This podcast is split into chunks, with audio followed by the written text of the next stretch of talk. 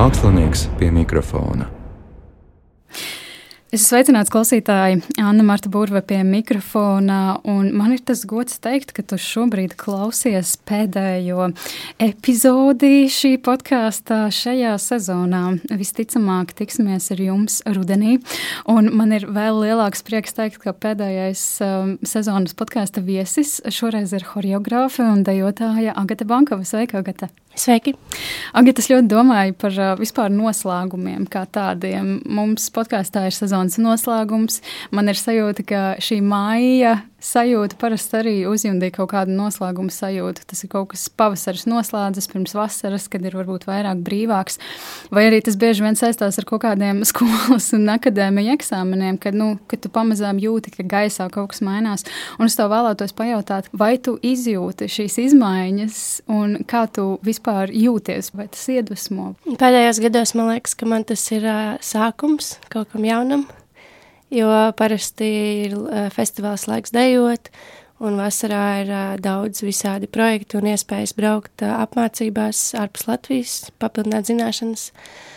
Bet, kad es mācījos skolā, jā, es ļoti gaidīju, kad būs mājas, jo vasara bija tā brīvība, kad nebija ne eksāmenu, ne obligāto uzdevumu.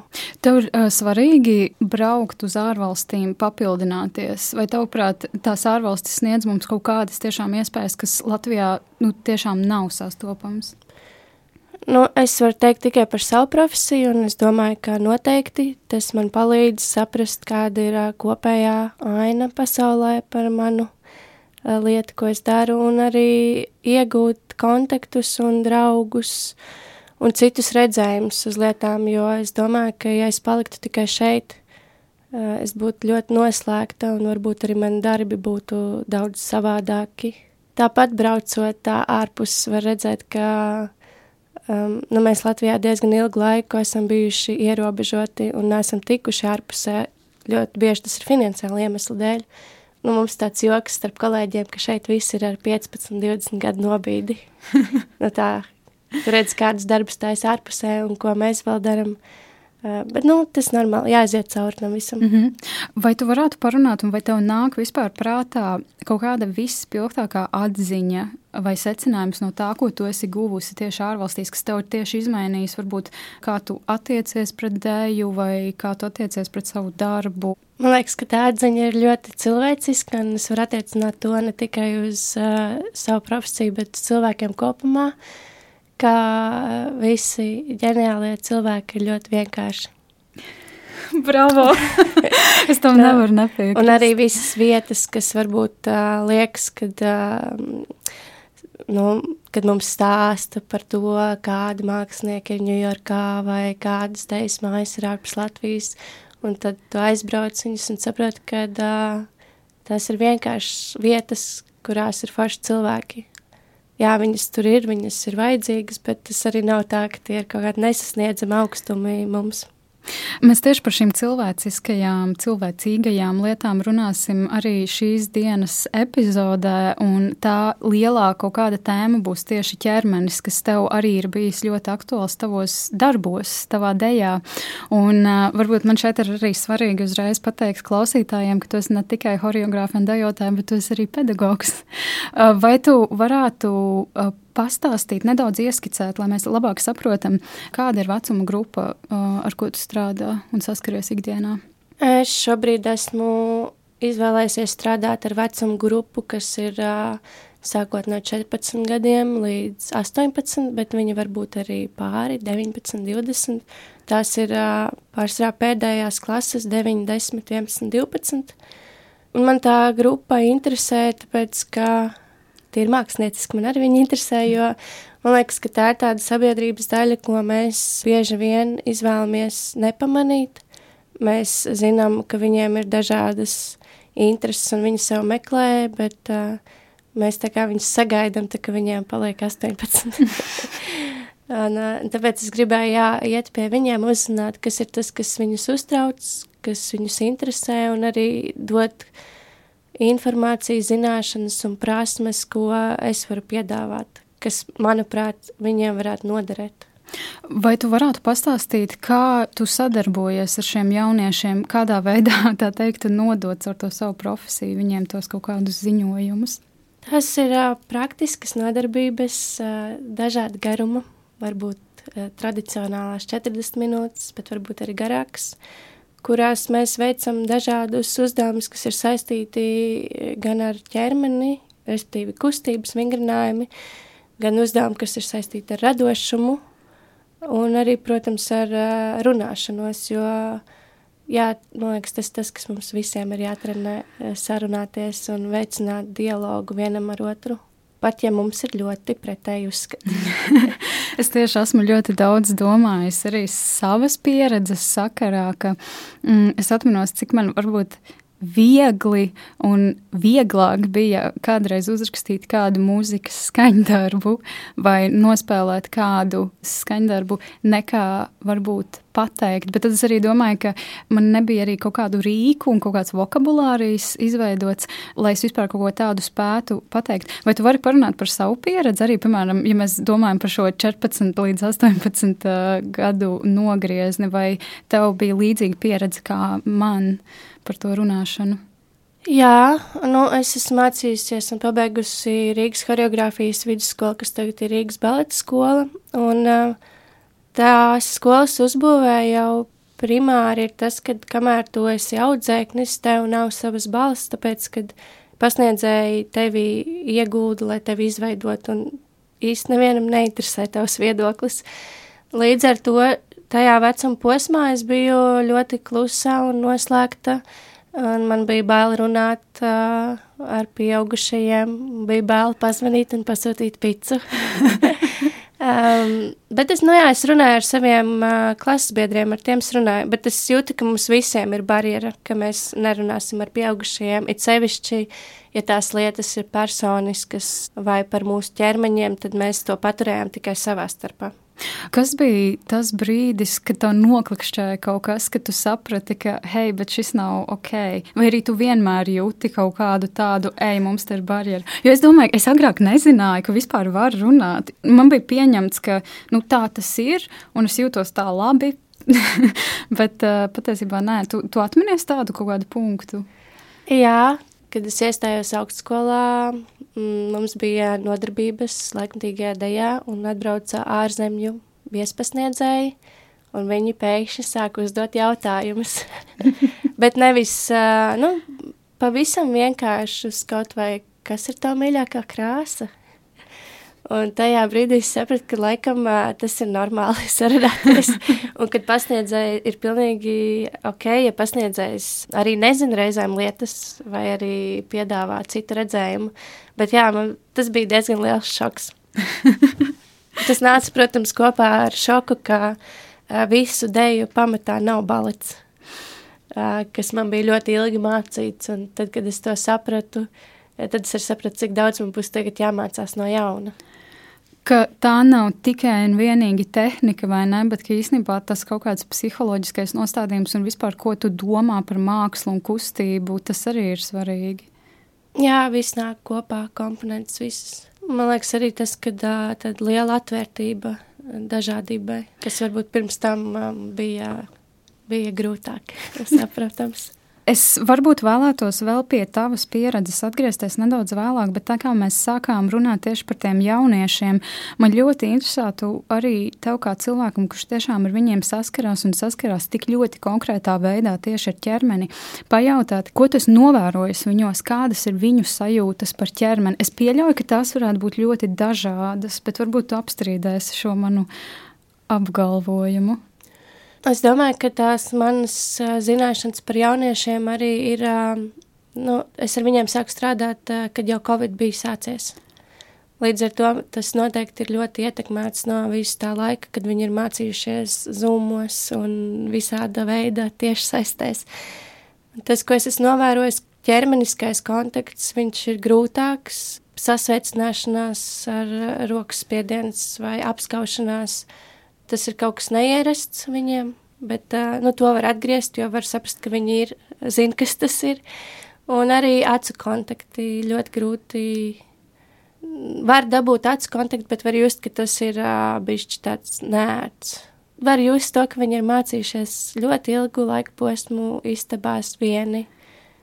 Protams, ka tu redzi savus klases biedrus daudzos mazajos ekrānos, bet tas ir savādāk, ka tu jūti, ka viņš ir atnācis, nezinu, viņam ir jaunas smaržas, vai tu redzi, ka viņš mazliet nosargst. Nu, tādas cilvēciskas lietas, kas tajā internetu vidē iztrūkst. Kaut kādā ļoti es nezinu, tādā sci-fi manērā man tikko pilnīgi parādījās tāda vīzija par cilvēku, robotu un bioloģisko cilvēku, ka mēs bieži vien, cik daudzās filmās nesam redzējuši, kā roboti pārņem pasauli, bet, eh, nu, domājot par to zoom cilvēku, vai ne, un domājot par to bioloģisko cilvēku, man tā kā pārņēma nedaudz tāda jokaina sajūta šobrīd, kad tu to teici, tāda lielāka apzināšanās, ka, hei, varbūt tā nākotne, kuru mēs tik bieži redzam filmās vai seriālos, nemaz tik tālu no mums nav bijusi. Es domāju, ka viņi ir ļoti tuvu.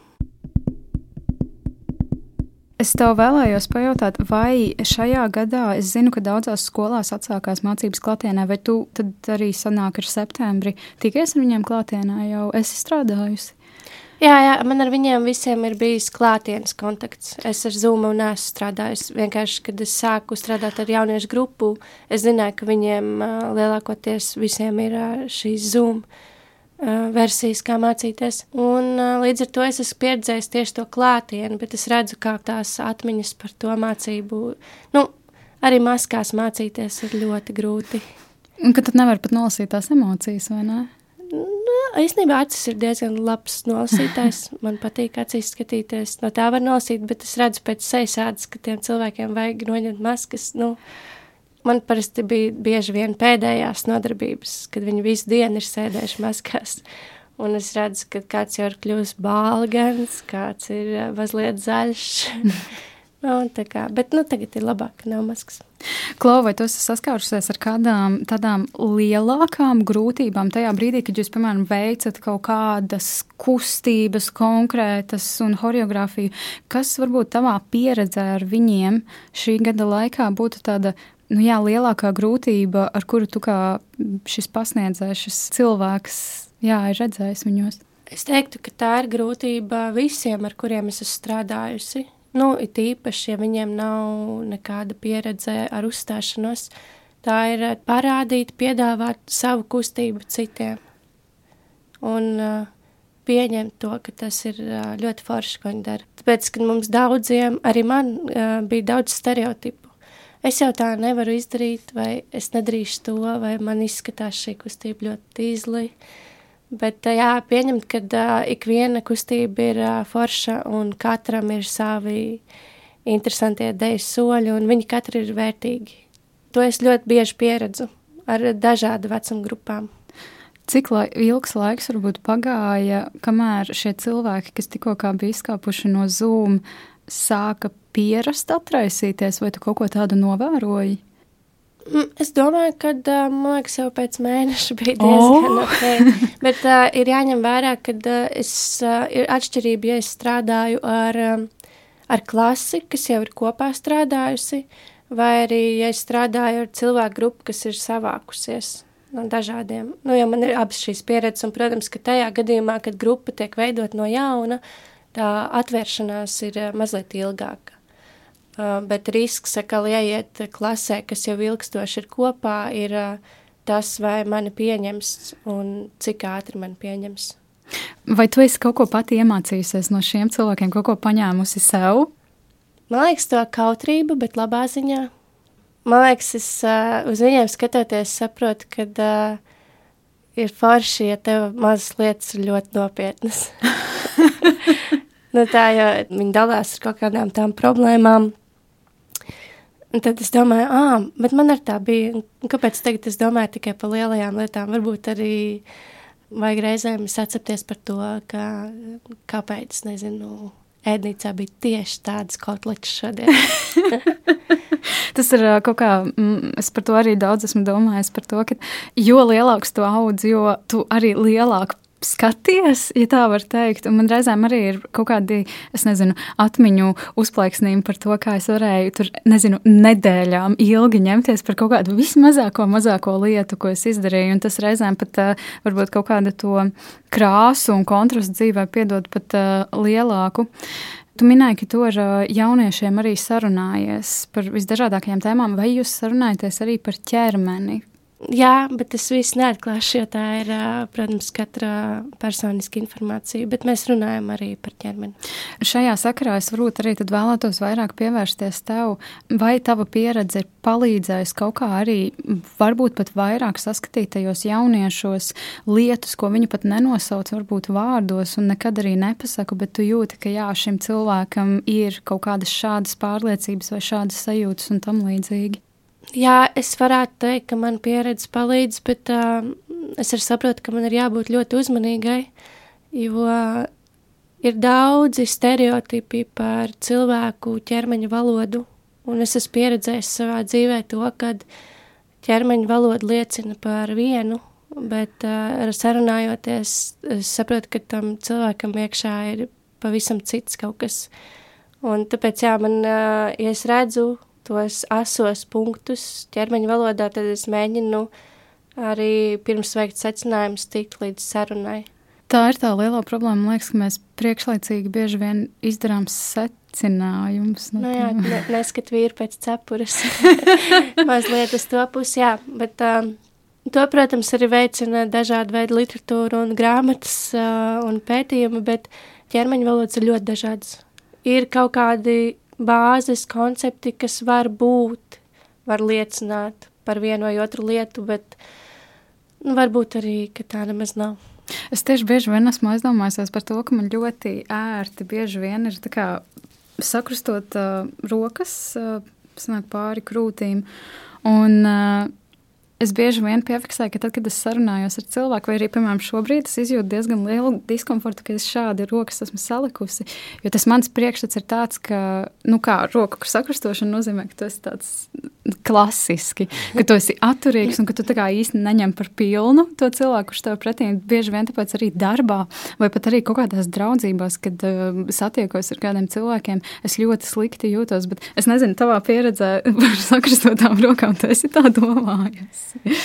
Nu, redz, tas uh, stereotipiski liecina par to, ka ir aizvērts cilvēks tāpat kā sakrustots kājas, bet uh, varbūt, kad uh, cilvēka anatomiskā uzbūve ir tāda, ka viņam tā pozīcija ir ļoti ērta un tā ir viņa tā kā rest position. Oh. Mēs jau nezinām. Tad man vajadzētu vairāk būt ar to cilvēku. Protams, ir tādas pozīcijas, kur var redzēt, ka cilvēks cenšas sasprindzis vai ja viņam raustās valoda. Uh, Eh, vai elpa, tad tas viss ticamāk liecina par to, ka cilvēkam ir stresa situācija, un tas gan lielākoties eh, visiem ir diezgan vienāds. Es vēlētos parunāt par tavu pieredzi skolā, jo mēs abas apguvām teikt, mācības arī dārziņu skolā. Jo, ko līdz esi Rīgas choreogrāfijas skolā, tad tu parastās mācības apgūsti dārziņu skolā kopā ar mūziķiem. Un, man arī bija klases biedrenes baletdejotājas, uh, kuras gāja šajā skolā. Es atceros, ka viņas mums bieži vien stāstīja kaut kādus nu, stāstus par savām sajūtām, par to, ka nu, jā, viņu ķermeņi nav pietiekami labi, viņas neatbilst kaut kādam standartam un viņas jūtas par to slikti. Kāda bija tava pieredze? Varbūt tas jautājums ir, kā tu jūties savā ķermenī tajā laikā? Mm, drausmīgi. es ceru, ka skola šobrīd ir mainījusies un kad ir savādāk, bet uh, manā laikā, jā, mēs tikām svērtas katru mēnesi. No tā reizēm bija atkarīga mūsu uh, stipendijas lielums, tā kā mēs bijām kursos. Uh, Mums tika izteikts dažādas piezīmes par mūsu vizuālo izskatu. Mums tika ieteiktas dažādas dīvainas diētas.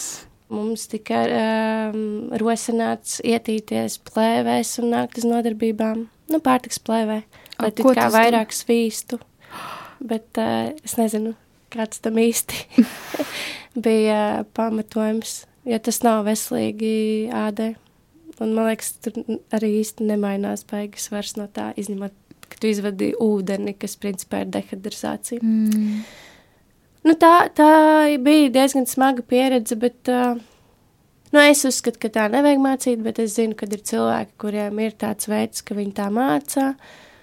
Es ceru, ka tur tagad ir savādāk. Es domāju, ka īstenībā ļoti daudz kas skolās tomēr iet uz labo pusi. Un es domāju, ka šeit ne tikai baleta skola, bet pilnīgi visas mūzikas mākslas, arī tā saucamās parastās skolas, uh, un par to ir prieks. Es gan domāju, arī ļoti daudz paklausījos arī pāris citus podkāstus, kur uh, cilvēki runāja arī par savām ķermeniskajām pieredzēm. Un, bija tāds novērojums, ka kā, nu, jā, ļoti daudz kas kā, bieži vien sākas skolā, bet ļoti daudz cilvēku minēja arī to, it īpaši tie, kas varbūt ir uh, vēl ne nedaudz jaunāki par mums, kur arī ir uzauguši šajā interneta vidē, kas tomēr man liekas priekš vispār tā, kā tu redzi savu, savu un citu ķermeņus, ir diezgan toksiska, ja ne, ja ne pat ļoti toksiska.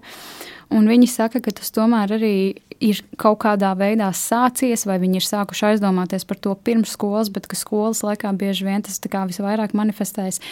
Vai tu vari runāt par sevi tā, ka tas bija pirms skolas laika, vai tu sāki pievērst pastiprināt uzmanību tam savam ķermenim un saprast, cik viss ir ļoti trakns pēdiņš šobrīd slikti skolas laikā vai pirms tam? Nē, pirms tam man uh, viss bija ok. ļoti patīk savs ķermenis, bet es domāju, ka man vienkārši tā atšķirība bija tāda, ka uh, nu, tā profesija, ko es izvēlējos, uh, tas ir viens no uh, instrumentiem, ir ķermenis. Tāpēc es visu laiku domāju, nu, tas būtu tāpat kā domāt, vai tava viola ir kārtībā, vai visas stīgas ir vietā, vai viņas ir uh, nospriegotas pareizi. Tāpēc tas ķermenis izvirzās man lielā priekšplānā toreiz. Un es, ar, man liekas, pat par viņu ilgi domāju, kā nevis par savu ķermeni, bet kā instrumentu profesijai, ko es vēlējos iegūt. Ka tur nebija tas savienojums pareizi. Jā, jā. Pēc tam jau augstskolā, jā, kad notika visādi prāta sprādzieni saistībā ar to, kad viss ir mazliet savādāk nekā es biju domājis līdz šim, tad arī es sāku atgriezties pie tā, ok, bet uh, ko grib mans ķermenis, ja pieņemsim, viņš nedijotu. Mm. Vai arī kā es varētu atpūsties, arī nevis tikai domāt, kā sevi pilnveidot un uh, uh, savas stīgas padarīt labākas. Man ļoti vienmēr ir interesējis arī, tīri arī no klases biedreņu pieredzes par paladējotājas ideālo ķermeni, bieži vien ir bijis uzskats, ka ir jābūt tikai tam vienam, tam kaut kādam, es nezinu, superduper slaidajam, ar garajām kājām un tam līdzīgi. Kā bija tev? Skolas laikā man bija, man bija diezgan garš ķermenis, un viņš bija ar sevišķīgām formām.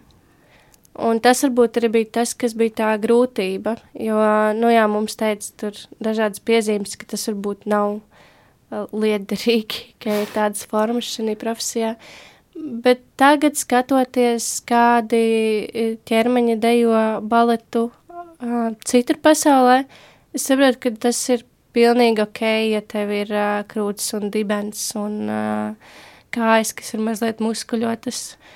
Es domāju, vēl šobrīd šeit mazliet ir tas, kad ir nu, tās tievās un garās meitenes, reizēm nenormāli tievās. Uh, Jā, bet es tagad uh, esmu laikmatīgajā dejā, tā kā baletes tikai dodos baudīt. Es neesmu runājis īstenībā ar uh, cilvēkiem, kas strādā teātrī, kā viņiem pašiem liekas par to standartu Latvijā, kāds viņš ir.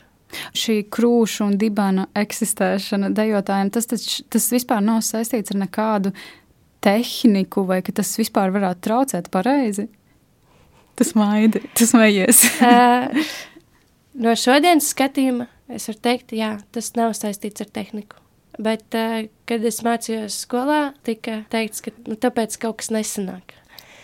Tas ir dažādas pieejas un dažādi uzskati. Teiksim, laikmatīgajā dejā ir uh, daudz kas par ķermeņa mobilitāti un aktivitāti, dinamiku, kur, uh, kur tādi standarti kā tievums vai lokanība nav primāri. Tāpēc, ka varbūt ķermenis, kas ir diezgan korpulents, bet viņš ir tik dinamisks un aktīvs un mobils, kad uh, viņš kustās ātrāk nekā cilvēks, kurš ir nenormāli tievs un izstiepts uz visām pusēm. O, tas, ir, tas ir patiesībā brīnišķīgi. Vai uh, tieši ienākšana šajā laikmatīgās dēļas uh, pasaulē un tieši darīšana uz skatuves. Vai tas tev palīdzēja arī pieņemt savu ķermeni tādu, kāds tas bija, vai arī tas primāri bija tas, ko tu minēji par, par tiem kaut kādiem viesprofesoriem, kas nāca un uzdeva šos jautājumus un tā? Man liekas, caur laiktīgo dēļu es vairāk noticēju savam ķermenim un viņa spējām, vispār, ko viņš var izdarīt, un ka es varu visu laiku pilnveidoties, un ka nebūs tā, ka vienā brīdī plukš un viss. Noteikti daudz manī mainīja tas, ka es redzēju, cik dažādi ķermeņi var būt klātesoši uz skatuves. Un uh, viņi joprojām ir profesionāli, bet viņi ir ļoti dažādi. Jā, tas manī laikam iedrošināja arī vairāk darboties. Ļoti forši, ka ir šādas pozitīvas pieredzes, tāpēc ka es arī ļoti daudz esmu domājis par kaut kādiem dažādiem komentāriem, kas reizēm varbūt pat nav par pašu ķermeni, bet kaut vai par to pašu apģērbu. Ka tā kā, ā, nu, viņa jau kā, es nezinu, veca tante ir saģērbusies. Un es tad es esmu domājis, ok, nu labi, pieņemsim, ka viņa ir saģērbusies kā veca tante, bet vai tas viņu padara mazāk talantīgu, mazāk kompetentu un tie savā darbā?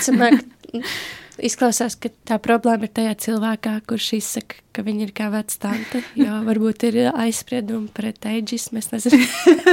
Jā, es tieši domāju, nu, ka tā sajūta, ka mums pasaulē ir kaut kāds šis viens tiesnesis, kurš ir pateicis, kā ir jābūt. Bet es bieži vien esmu domājis, nu, arī par ķermeni tieši runājot, ka šis tiesnesis viscaur Nu, es domāju, tas visvairāk ir saistīts tieši ar šo kaut kādu izklaides industriju, kad mēs redzam, nu, visas šīs, nu, protams, visvairāk mēs varam runāt tieši par sievietēm. Tā ir aktuālāka tēma tieši šim dzimumam, mūsu dzimumam. Bet uh, mēs, piemēram, varam ņemt par piemēru pagājušajā gadsimtā Merilinu Monroe, kas bija seksa simbols, kura bija ideālā sieviete.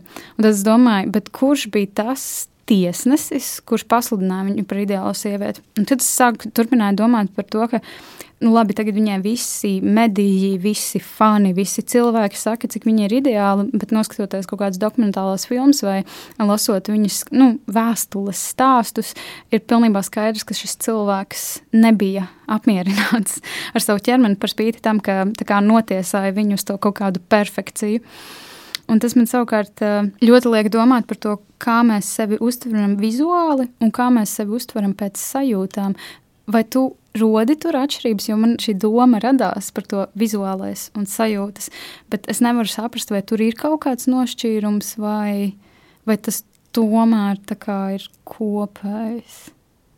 Man laikam tagad vairs nav nošķīruma, bet es varu reflektēties gan saistībā ar to, kas tas stāstīja par skolu. Jā, kad bija tas viens vizuālais, uz kuras tiecos, un tad bija tā sajūta puse, un viņas absolūti gāja disonancē.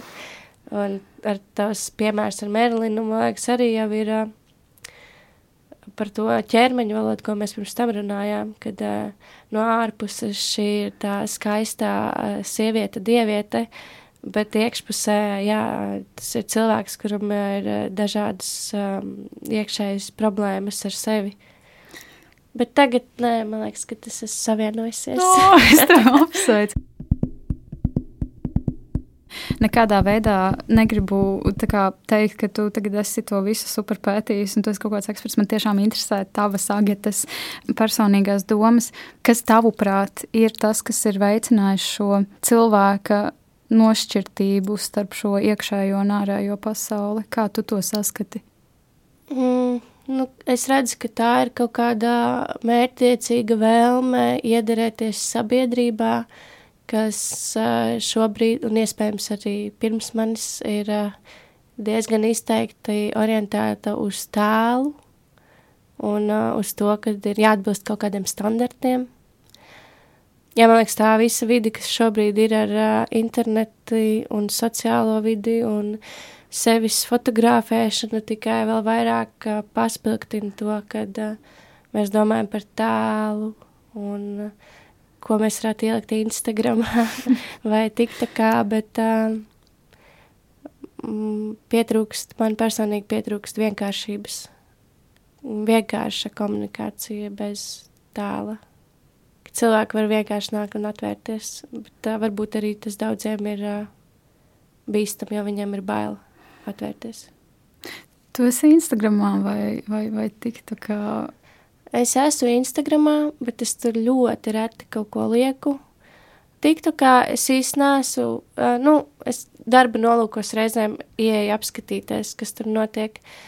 Bet, um, jā, man pēdējo divu mēnešu laikā es arvien vairāk uzdodu jautājumus, kāpēc cilvēki rāda savu dzīvi bildēs, kas būtībā ir uh, statisks, noķerts mirklis, kas vairs nenotiks.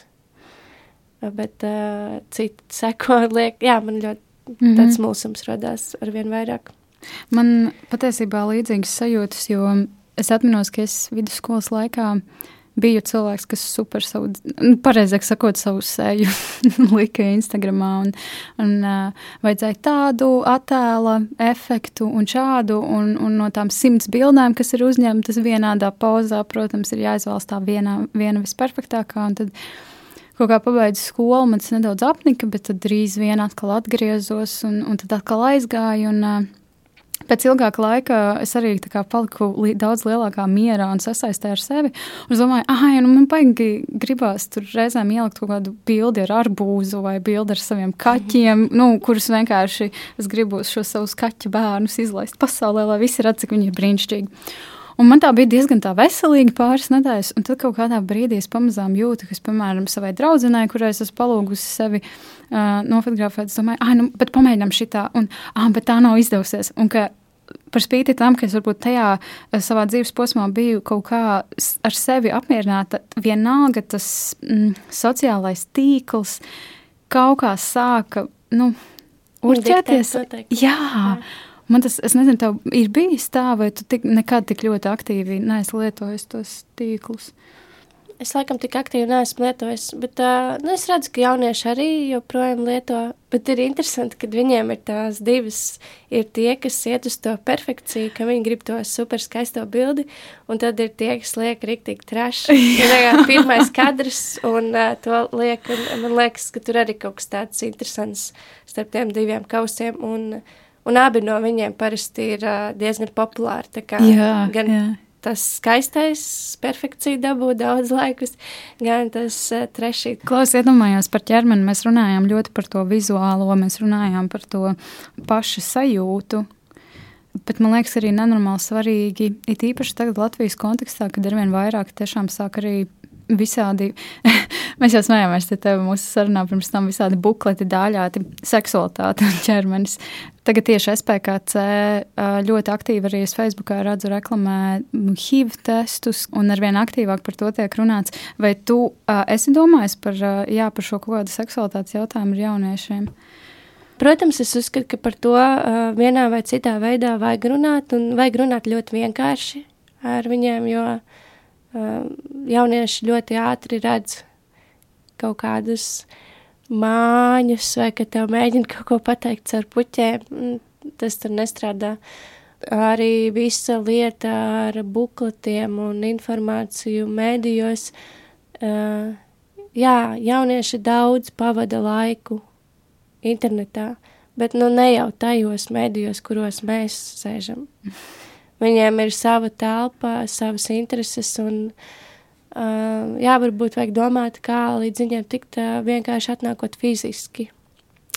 Bet es arī domāju, ka varbūt tāda lekcija, kur viss stāsta viena sieviete, arī varētu nobiedēt. Man liekas, jāmeklē kaut kādi vienkārši ceļi, kā vienkārši par to komunicēt un runāt. Tā kā normalizēts caur parastām ikdienas sarunām, jā, man liekas, tas ir jā pats labākais. Jo tādā veidā, nu, protams, ja ir lekcija, tas ir pasākums, tas ir svarīgs pasākums, uz kuru tev jāierodas. Tas nozīmē, ka tas ir kaut kas nozīmīgs un kam pastiprināt jāpievērš uzmanība. Bet, ja tu ikdienā runā, Un, un, un, un šeit noteikti nu, nav jārunā protams, par uh, aktu pašu ar audzēkņiem, bet vispār, nu, ka cilvēks jau pats par sevi ir šī seksuālā būtne un cik tas ir normāli, man liekas, tas gan ir ārkārtīgi svarīgi. Man, man pieņemsim, ir uh, reizēm tādi uzdevumi, kur ir uh, jāstrādā ar otru cilvēku kopā kontaktā, deiskā.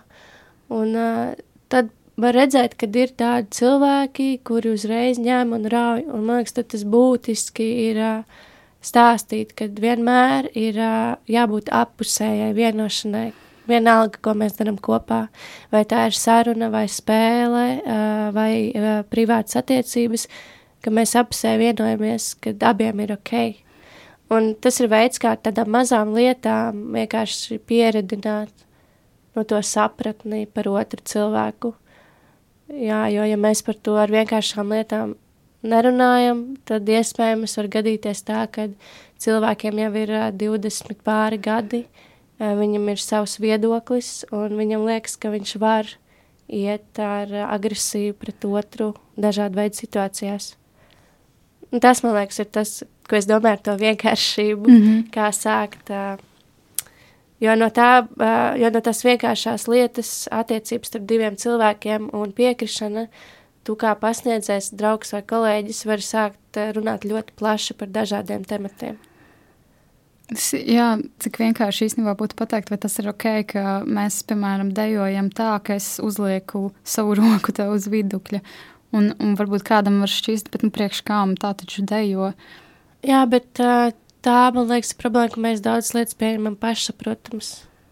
Jā, varbūt nevienmēr reizēm jau ir tā, ka tu jūti arī, kad var tam cilvēkam pietuvoties, bet ir diezgan die, bieži tādi gadījumi, kad var saprast, ka tur ir kaut kāda barjera un ka vajag pajautāt. Bet jā, man liekas, tas ir tas, ka skolās es gribētu, ka jau no maz, mazām klasītēm tiek mācīta um, deja, bet tādā veidā kā kinestētiskā mācīšanās, kur tu caur dēju arī apgūst komunicēšanu un dialogu un komunikāciju, ka tas ir gan par kustību un ķermenī, gan par sarunu. Nu, būtībā tā kā dēja ar teātri un grupas saliedēšanas uzdevumiem. Man liekas, tas būtu ļoti būtiski tādu priekšmetu ieviest. Vai tu ar savējiem to dari jau? Nu, jā, tas principā tas, ko es daru ar dažādām grupām, jo es miksēju uh, lietas kopā.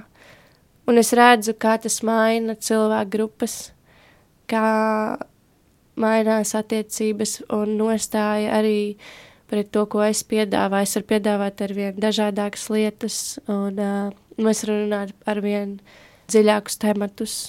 Man liekas, tas ir vajadzīgs cilvēkiem. Man liekas, ka šeit mēs arī atgriezāmies pie tā, kas pirmie kaut kādā brīdī sarunā izskanēja, un ko tu teici, ka gan prāts, gan ķermenis, gan tavas iekšējās sajūtas ir viss saistīts. Un, un tas pats ir arī cilvēku attiecībās, ja mēs spējam sasaistīt savu ķermeni un arī sasaistīt to ar otru ķermeni un darīt to caur arī sarunāšanos. Jo tas ir tomēr tik svarīgi spēt pateikt nevis tikai caur to mākslu, ja tā var teikt, bet arī reāli ar vārdiem. Man liekas, Es nezinu, kāda tev ir sajūta, bet man liekas, ka bieži vien mākslā tiek popularizēts šis uzskats, ka nu jā, visu jau var pateikt caur mākslu. Un es tā kā. Kāpēc tas noies? Tāpēc, ka man liekas, dīvains.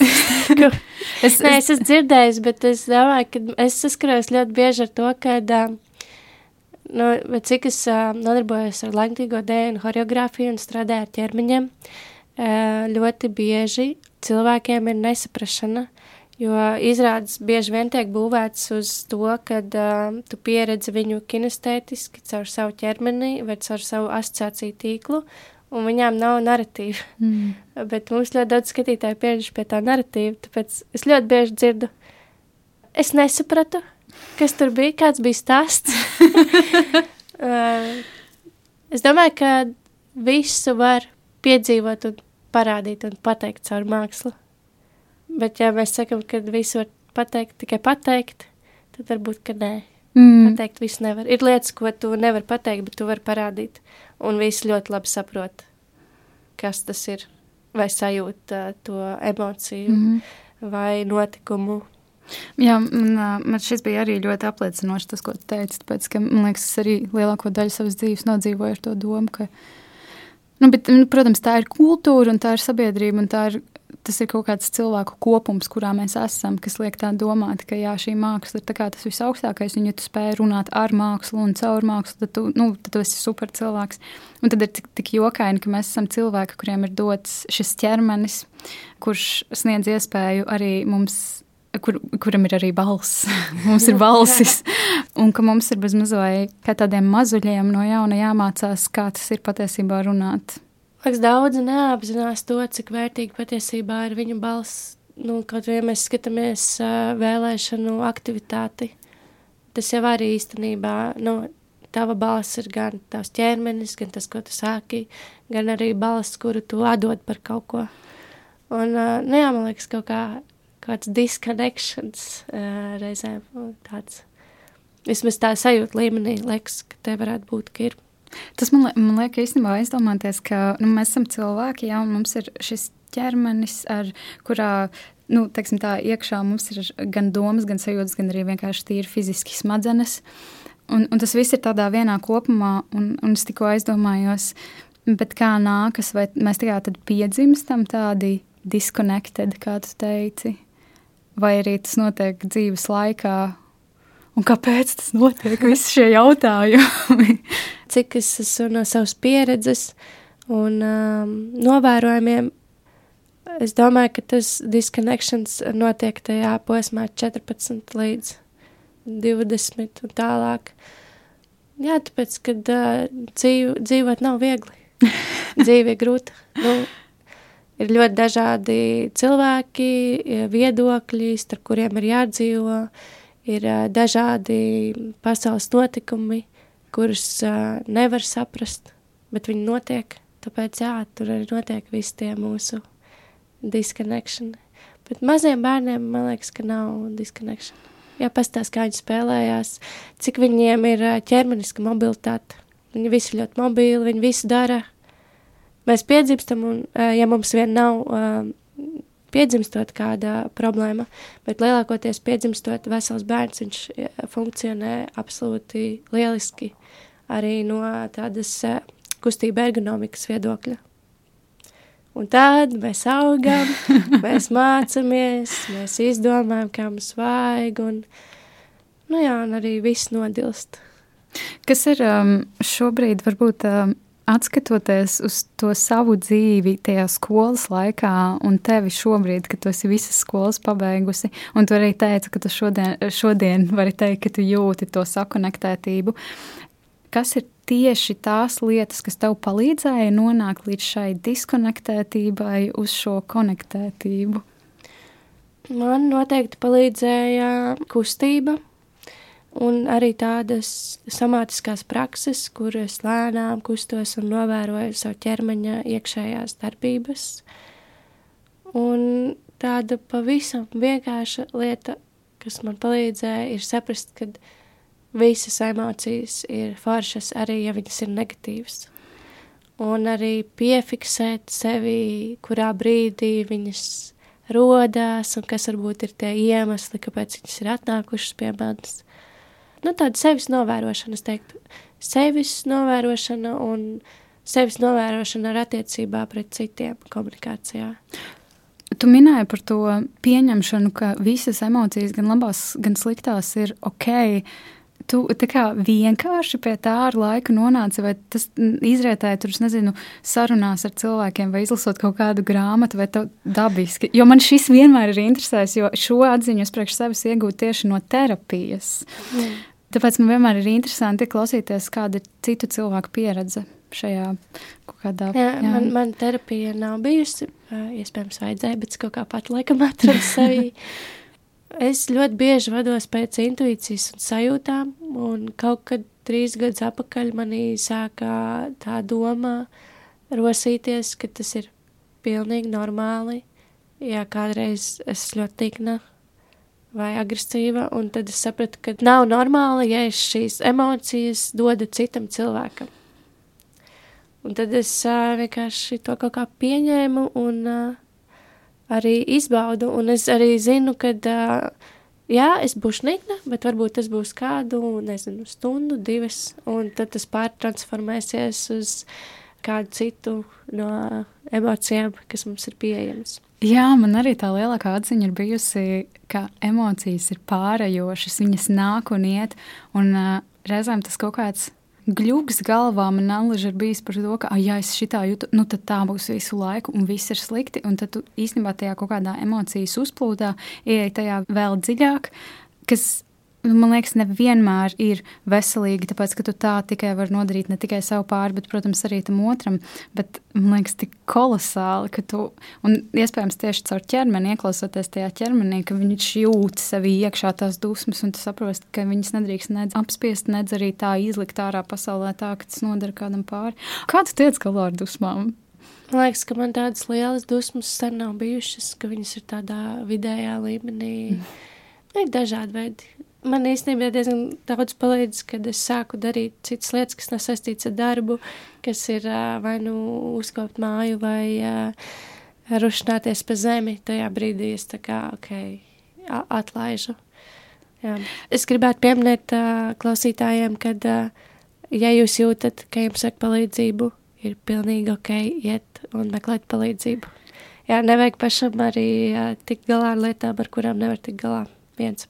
Jā, komunikācija un nav jākaunās no tā, jo mēs pilnīgi visi cilvēki iet diezgan līdzīgām pieredzēm cauri, bet viņas bieži vien ir dažādos kontekstos. Un tā pati Marilina Monroe gāja ļoti līdzīgām pieredzēm cauri, kā mēs visi.